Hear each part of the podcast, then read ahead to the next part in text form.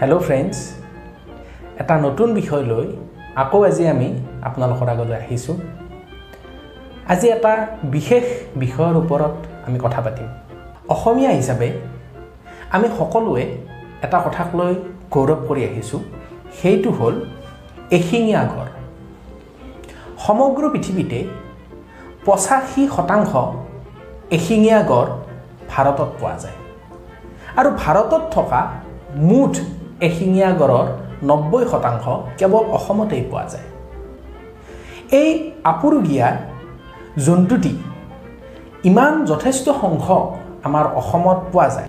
সেইকাৰণেই আমি সমগ্ৰ অসমবাসী গৌৰৱান্বিত।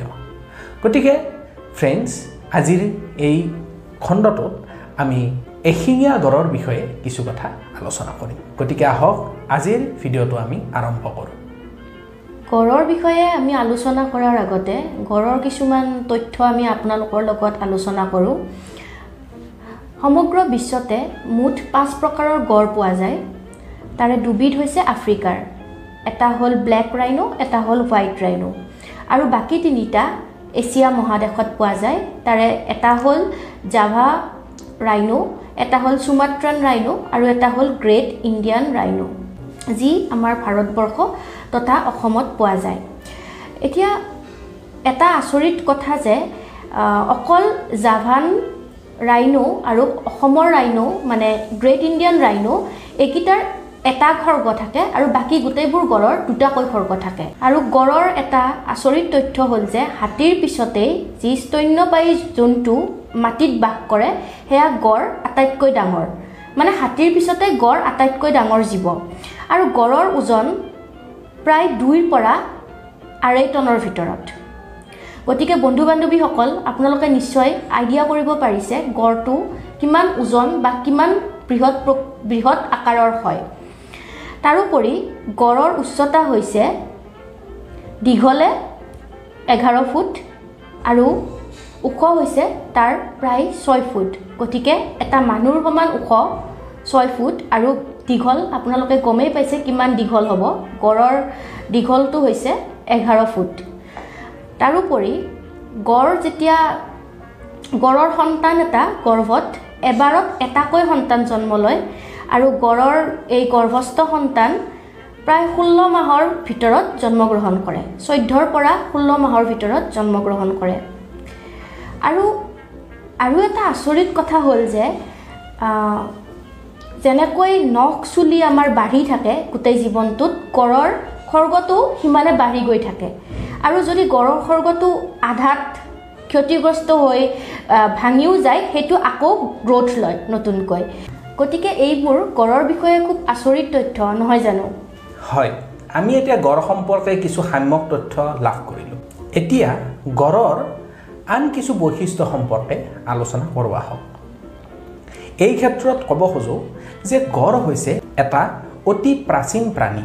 অৰ্থাৎ গড় এই পৃথিৱীলৈ বহুত পুৰণি কালতেই আহিছিল। আৰু এটা সময়ত গড় সমগ্ৰ পৃথিৱীতে যথেষ্ট সংখ্যক পৰিমাণত আছিল। কিন্তু যদি আমি ভাৰতৰ প্ৰেক্ষাপটতেই যদি কওঁ যেতিয়া ইংৰাজ চৰকাৰ আছিল তেতিয়া তেখেতসকলে বা ৰজা মহাৰজাৰ দিনত তেখেতসকলে চিকাৰ কৰিছিল। গতিকে চিকাৰ কৰি কৰি গড়বিলাক হত্যা কৰিছিল। আৰু এটা সময়ত ঊনৈছশ পাঁচ চনমানত এনেকুৱা এটা অৱস্থা পাইছিল যে গোটেই ভাৰতবৰ্ষত কেৱল মাত্ৰ পঁয়সত্তৰটা গড়হে পোৱা গৈছিল। গতিকে এনেকুৱা এক সংকট অহা কাৰণে ঊনৈছশ দহ চনৰ পৰা গড় চিকাৰত বাধা আৰোপ কৰা হৈছিল। আৰু তেতিয়াৰ পৰাই সমগ্ৰ ভাৰতবৰ্ষতে গড়ৰ যি জনসংখ্যা এই জনসংখ্যা বৃদ্ধিৰ কাৰণে নানান পদক্ষেপ হাতত লোৱা হৈছিল দুহেজাৰ ওঠৰ চনৰ যিটো গড় গণনা তথ্য এই তথ্যত প্ৰকাশ পাইছে যে সমগ্ৰ ভাৰততে প্ৰায় তিনি হাজাৰৰ ওচৰা ওচৰি গড়ৰ অৱস্থিতি পোৱা যায়। এতিয়া আমি চাওঁ আহক যে গড় কেনেকুৱা অঞ্চলত থাকে। গড় হৈছে এটা বৃহৎ আকাৰ প্ৰাণী। গতিকে খোৱাৰ কাৰণেও যথেষ্ট পৰিমাণে ঘাঁহ থকা অঞ্চল গড়ৰ কাৰণে অতি উপযোগী। সেইকাৰণে ব্ৰহ্মপুত্ৰ উপত্যকাই হওক বা গংগা উপত্যকাৰ নদীৰ যিবিলাক পলসুৱা ভূমি আছে সেই পলসুৱা ভূমিত যথেষ্ট পৰিমাণে ডাঙৰ ডাঙৰ দীঘল দীঘল ঘাঁহ গজে আৰু এনেকুৱা অঞ্চলত যথেষ্ট পৰিমাণে গড় পোৱা যায়। উদাহৰণস্বৰূপে আমাৰ অসমৰ কাজিৰঙা ৰাষ্ট্ৰীয় উদ্যান আৰু পবিতৰা অভয়াৰণ্যত যথেষ্ট পৰিমাণে গড় পোৱা যায়। আমি আগতেই কৈছোঁ যে সমগ্ৰ ভাৰতবৰ্ষত পঁচাশী শতাংশ গড় আছে। মানে পৃথিৱীত থকা গড়ৰ পঁচাশী শতাংশ গড় ভাৰতত আছে। আৰু ভাৰতত থকা গড়ৰ নব্বৈ শতাংশতকৈও অধিক গড় কেৱল অসমত আছে। আৰু অসমতো কাজিৰঙা আৰু পবিতৰা অভয়াৰণ্যত এই গড়ৰ সংখ্যা সৰ্বাধিক। ঘনত্ব হিচাপে যদি আমি চাব যাওঁ গড়ৰ ঘনত্ব অসমত পবিতৰা অভয়াৰণ্যত কাজিৰঙাতকৈও বেছি। গতিকে আমি অনুমান কৰিব পাৰোঁ যে অসমখন গড়ৰ কাৰণে কিয় ইমান বিখ্যাত। ফ্ৰেণ্ডছ এতিয়া আমি চাওঁ আহক যে গড়ৰ যে অস্তিত্ব বৰ্তমান সংকটাপন্ন ইয়াৰ কাৰণ সম্পৰ্কে আমি এতিয়া কিছু কথা আলোচনা কৰিম।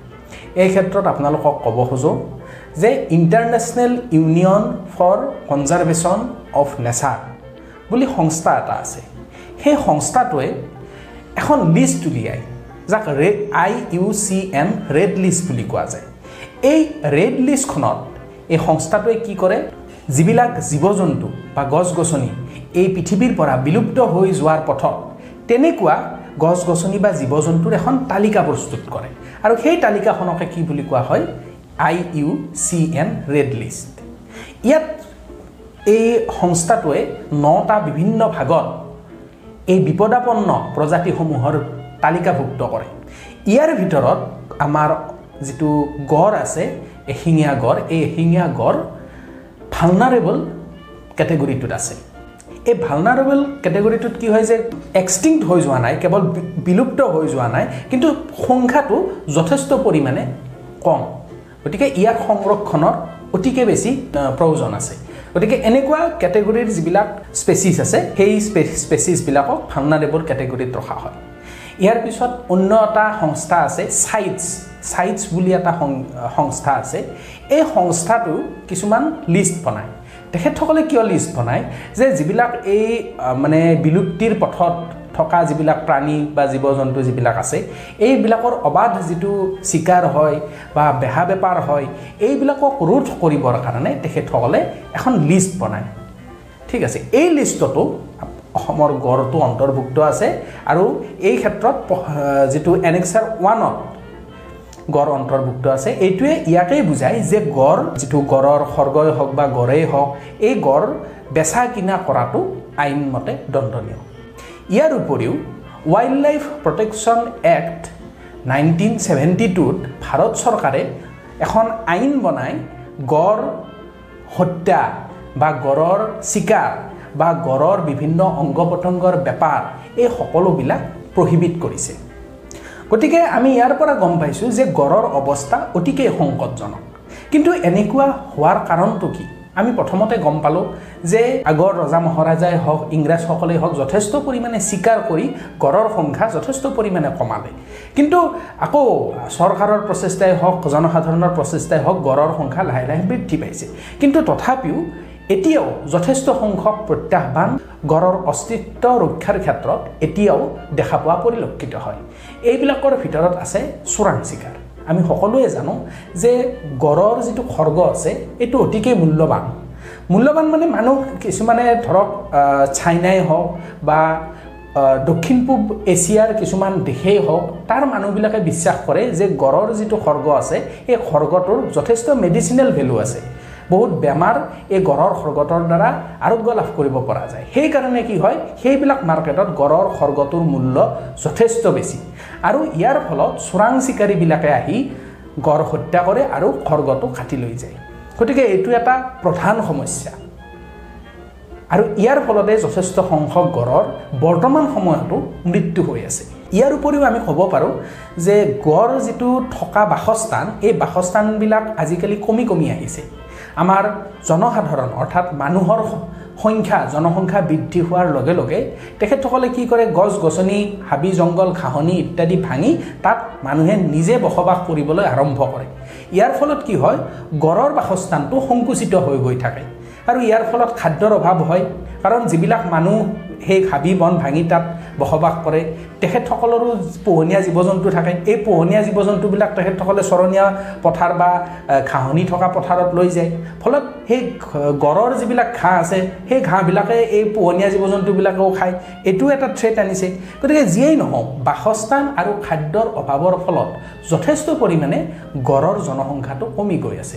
ইয়াৰ উপৰিও অসমৰ ক্ষেত্ৰত যদি ক'ব খোজোঁ অসমৰ পবিতৰা অভয়াৰণ্য আৰু কাজিৰঙা ৰাষ্ট্ৰীয় উদ্যানত যথেষ্ট পৰিমাণে গড় পোৱা যায় আৰু গড়ৰ ঘনত্বটো যথেষ্ট পৰিমাণে বেছি। যি এক লিমিট থাকিব লাগে এখন অভয়াৰণ্যই হওক এক বনাঞ্চলেই হওক তাত গড়ৰ যিটো ঘনত্ব থাকিব লাগে সেই ঘনত্বতকৈ ইয়াত মানে ঘনত্বটো অলপ বেছি হয়। ইয়াৰ ফলত কি হয় খাদ্যৰ কাৰণে বা বিভিন্ন কাৰণত গড়বিলাকৰ মাজত সংঘাত হয়। আৰু ইও গড় মৃত্যুৰ এক প্ৰধান কাৰণ। মৰমৰ বন্ধু বান্ধৱীসকল এতিয়ালৈকে আমি গড়ৰ অস্তিত্ব ৰক্ষাৰ সম্পৰ্কত থকা বিভিন্ন প্ৰত্যাহ্বানৰ বিষয়ে কিছু কথা আলোচনা কৰিলোঁ। এতিয়া আমি চাওঁ আহক গড় সংৰক্ষণৰ ক্ষেত্ৰত চৰকাৰে বা বিভিন্ন অনুষ্ঠান প্ৰতিষ্ঠানে কেনেকুৱা ধৰণৰ পদক্ষেপ হাতত লৈছে? গড়ৰ সংৰক্ষণৰ বাবে আটাইতকৈ ডাঙৰ গুৰুত্বপূৰ্ণ ষ্টেপ এটা হৈছে India rhino vision two thousand twenty. এই প্ৰগ্ৰামটো টু থাউজেণ্ড ফাইভত লঞ্চ কৰিছিল আছাম ফৰেষ্ট ডিপাৰ্টমেণ্টে। লগতে কলাবৰেশ্যনত আছিল Bodoland territorial council world wide fund international rhino foundation আৰু united nation fish and wildlife services লগতে এই প্ৰগ্ৰামটোত বিভিন্ন এন জি অ'ও হেল্প কৰা দেখা পোৱা যায়। এই প্ৰগ্ৰামটোৰ আণ্ডাৰত কেইটামান বিশেষ এক্টিভিটিক গুৰুত্ব দিয়া হয়। সেয়া হৈছে ট্ৰেন্সলোকেশ্যন মনিটৰিং এণ্টি পচিং আৰু কমিউনিটি কনজাৰ্ভেশ্যন আৰু এই ট্ৰেন্সলোকেশ্যন এক্টিভিটিটো এই আঁচনিখনৰ ৰাজহাৰ বা বেকবন বুলি কোৱা হয়। ট্ৰেন্সলোকেশ্যনৰ আণ্ডাৰত এটা জাগা য'ত সৰহসংখ্যক গড় কনচেনট্ৰেটেড হৈ থাকে তাৰে গড়খিনি বিভিন্ন জেগাত য'ত গড়ৰ কাৰণে চুইটেবল ইক'লজিকেল ফেক্টৰ থাকে তালৈ গড়খিনিক ট্ৰেন্সলোকেট কৰা হয়। আৰু এই ট্ৰেন্সলোকেটৰ মূল উদ্দেশ্য হৈছে যে এটা জেগাত যদি গড়খিনি সৰহসংখ্যক গড় কনচেনট্ৰেট হৈ থাকে সেই গড়ৰ মাজত যদি গড়ৰ পপুলেশ্যনৰ মাজত যদি কিবা বেমাৰে দেখা দিয়ে গোটেইখিনি গড়ৰ পপুলেশ্যনে আক্ৰান্ত হোৱাৰ ৰিস্ক ফেক্টৰ এটা থাকে। কিন্তু সেই ৰিস্ক ফেক্টৰটো কমাবলৈ গড়খিনিক বেলেগ বেলেগ জেগালৈ ৰিডিষ্ট্ৰিবিউট কৰা হয় যাতে বিভিন্ন জেগাত ভাগ ভাগ কৰি গড়ৰ পপুলেশ্যনখিনি ছেফ থাকে। তাৰোপৰি যদি সৰহসংখ্যক গড় এটা জেগাত কনচেনট্ৰেট থাকে সেই জেগাটোত যদি কিবা নেচাৰেল কেলামিটিছ হয় গড়ৰ পপুলেশ্যন গোটেইখিনি এক্সটিংশ্যনৰ ফালে যোৱাৰ সম্ভাৱনা থাকে। আৰু সেই সম্ভাৱনাটো নাইকিয়া কৰিবলৈ বিভিন্ন জেগাত গড়ক ৰিলোকেট কৰা হয়। তাৰোপৰি যিখিনি পচিঙৰ সম্ভাৱনা থাকে ৰিক্স থাকে সেই ৰিক্সটো কমাবলৈও গড়বিলাকক বিভিন্ন জেগাত ট্ৰেন্সলোকেট কৰা হয়। কিন্তু এই ট্ৰেন্সলোকেশ্যন প্ৰচেছটো ইমান ইজি প্ৰচেছ নহয়। ইয়াত গড়টোক ট্ৰেংকুলাইজ কৰা হয়। তাৰোপৰি এটা গড় এটা জেগাৰ পৰা আন এটা জেগালৈ নিবলৈ হ'লে তাৰ ট্ৰেন্সপৰ্টেশ্যন কষ্ট বহুতেই বেছি হয়। কিন্তু এই ট্ৰেন্সপৰ্টেশ্যন কষ্ট বা যি ট্ৰেন ট্ৰেংকুলাইজেশ্যন প্ৰচেছ হয় এই সকলোবোৰ প্ৰচেছ যিমানেই কঠিন নহওক কিয় অসম চৰকাৰে এই ট্ৰেন্সলোকেশ্যন প্ৰচেছটো গড়ৰ গড়ৰ জনসংখ্যাটো যাতে ৰক্ষা পৰে তাৰ কাৰণে কৰিবলৈ অধিক গুৰুত্ব প্ৰদান কৰিছে। তাৰোপৰি দেখা পোৱা যায় যে এই ট্ৰেন্সলোকেশ্যন প্ৰচেছৰ আণ্ডাৰত যিহেতু আমি আগতেও ভিডিঅ'টোত কৈছোঁ কাজিৰঙা আৰু পবিতৰাত গড়ৰ সৰহসংখ্যক পপুলেশ্যন কনচেনট্ৰেট হৈ আছে। গতিকে কাজিৰঙা আৰু পবিতৰাৰ পৰা পাঁচখন জেগাত ট্ৰেন্সলোকেট কৰা হৈছে গড়বিলাকক। এই পাঁচখন জেগা হ'ল বুঢ়া চাপৰি লাওখোৱা ওৰাং মানস আৰু ডিব্ৰু চৈখোৱা। আৰু এই translocation rhino vision two thousand টুৱেণ্টিৰ আণ্ডাৰত কাজিৰঙাৰ পৰা দহটা আৰু পবিতৰাৰ পৰা বাৰটা গড় মানস নেশ্যনেল পাৰ্কলৈ লৈ যোৱা হৈছে মুঠ বাইছটা গড়। তাৰোপৰি এই rhino vision two thousand twenty যি আছে তাৰে আণ্ডাৰত মূল টাৰ্গেট হ'ল যে গড়ৰ সংখ্যা তিনি হাজাৰলৈ বৃদ্ধি কৰা অসমত। আৰু কেইটামান এক্টিভিটি যি এই আঁচনিৰ আণ্ডাৰত গুৰুত্ব গুৰুত্ব আৰোপ কৰিছে সেয়া হ'ল মনিটৰিং গড়ৰ হেল্থ মনিটৰিং হওক বা গড়ৰ ছিকিউৰিটি মনিটৰিং হওক এই গোটেইখিনি ইয়াতে গুৰুত্ব দিয়া হয়। তাৰোপৰি এণ্টি পচিং চোৰাং চিকাৰ বিৰুদ্ধ যি মানে যি ষ্টেপ সেয়া লোৱা হয়। লগতে কমিউনিটি প্ৰিজাৰ্ভেশ্যন এটা গড় আমাৰ অসমৰ সকলোৰে এটা ইম'শ্যন হয়।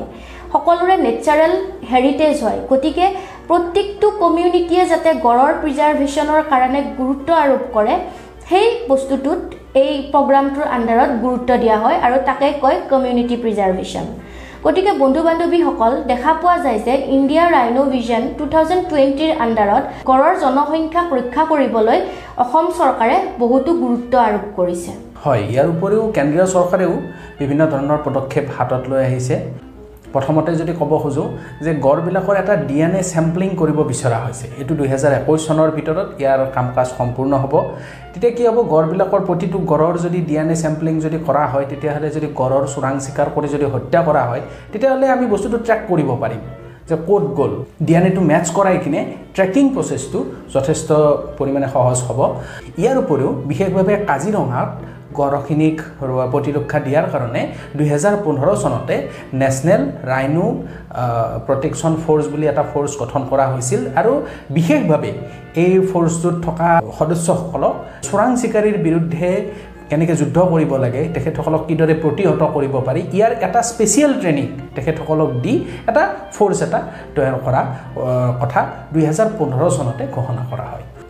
ইয়াৰ উপৰিও ভাৰতীয় সংসদে ঊনৈছশ বাসত্তৰ চনতে ৱাইল্ড লাইফ প্ৰটেকশ্যন এক্টখন যিখন আইন আছে এইখন আইন প্ৰণয়ন কৰিছিল। আৰু ইয়াৰ আণ্ডাৰত যে গড়ৰ যিটো হত্যাই হওক নতুবা চোৰাং চিকাৰীৰ দ্বাৰা ইয়াৰ স্মাগলিং হওক এই গোটেইবিলাক প্ৰহিবিট কৰাৰ লগতে যথোপযুক্ত শাস্তিও ইয়াৰ বিধান আছে। গতিকে এইটো গড় হত্যা ৰোধ কৰাৰ ক্ষেত্ৰত যথেষ্টভাৱে সহায় কৰিছে। আৰু আমি জানো যে ইণ্টাৰনেশ্যনেলো যিবিলাক সংস্থা আছে আই ইউ চি এন হওক নতুবা চাইটেই হওক তেখেতসকলেও গড়ক একো একোটা কেটেগৰীত তেখেতসকলে ৰাখি গড়ৰ যে অস্তিত্ব সংকটাপন্ন হ'বলৈ গৈ আছে এই বিষয়ে জনসাধাৰণক সজাগ কৰিছে বা এক ছিষ্টেমৰ মাজত গোটেইখিনি লৈ আনিছে গতিকে এনেকুৱা বিভিন্ন ধৰণৰ পদক্ষেপৰ কাৰণে ঊনৈছশ পাঁচ চনত যে সমগ্ৰ ভাৰতবৰ্ষত যি পঁসত্তৰটা গড় আছিল আৰু সেই গড় বৃদ্ধি পাই বৰ্তমান সময়ত প্ৰায় তিনি হাজাৰৰ ওচৰা ওচৰি গড় আমাৰ ইয়াত আছে। এইটো আমাৰ গৌৰৱৰ কথা। আৰু আমি আশা কৰোঁ যাতে ভৱিষ্যতেও এই গড় যাতে বৃদ্ধি হৈ থাকে জনসংখ্যা বৃদ্ধি হৈ থাকে। কাৰণ এই গড় মানে এটা প্ৰাণী হিচাপে আমি ধৰি ল'ব নোৱাৰোঁ। এটা গোটেই ডাঙৰ ইক'চিষ্টেম এটাটো বেলেঞ্চটো যিটো ৰক্ষা কৰাত সহায় কৰে। যদি গড়টো যদি নোহোৱা হৈ যায় এক্সটিং যদি হৈ যায় তেতিয়াহ'লে ই এক গ্ৰেটাৰ ইম্পেক্ট এটা পেলাব গোটেই ইক'চিষ্টেমটোত এটা বেলেঞ্চটো নোহোৱা হৈ যাব। গতিকে সেনেকুৱা এটাতো কথা আছে। ইয়াৰ উপৰিও আমি অসমীয়া হিচাপে গড়ক লৈ আমি সকলোৱে ইমান মানে গৌৰৱান্বিত আমাৰ আৱেগ জড়িত হৈ আছে। গতিকে আমি অসমীয়া হিচাপে বিশেষভাৱে আমি গড় সংৰক্ষণ কৰাত আমি সজাগ সচেতন হোৱাৰ লগতে আমি সহায় সহযোগিতাও যথেষ্ট পৰিমাণে আগবঢ়োৱাটো উচিত। আৰু আমি আশা কৰিছোঁ যাতে ভৱিষ্যতেও অসমত গড়ৰ সংখ্যা আৰু যথেষ্ট পৰিমাণে বৃদ্ধি হওক ইয়াকে কৈয়ে এই খণ্ডটো আমি ইমানতে সমাপ্ত কৰিছোঁ। আপোনালোকক বহুত বহুত ধন্যবাদ। Thank U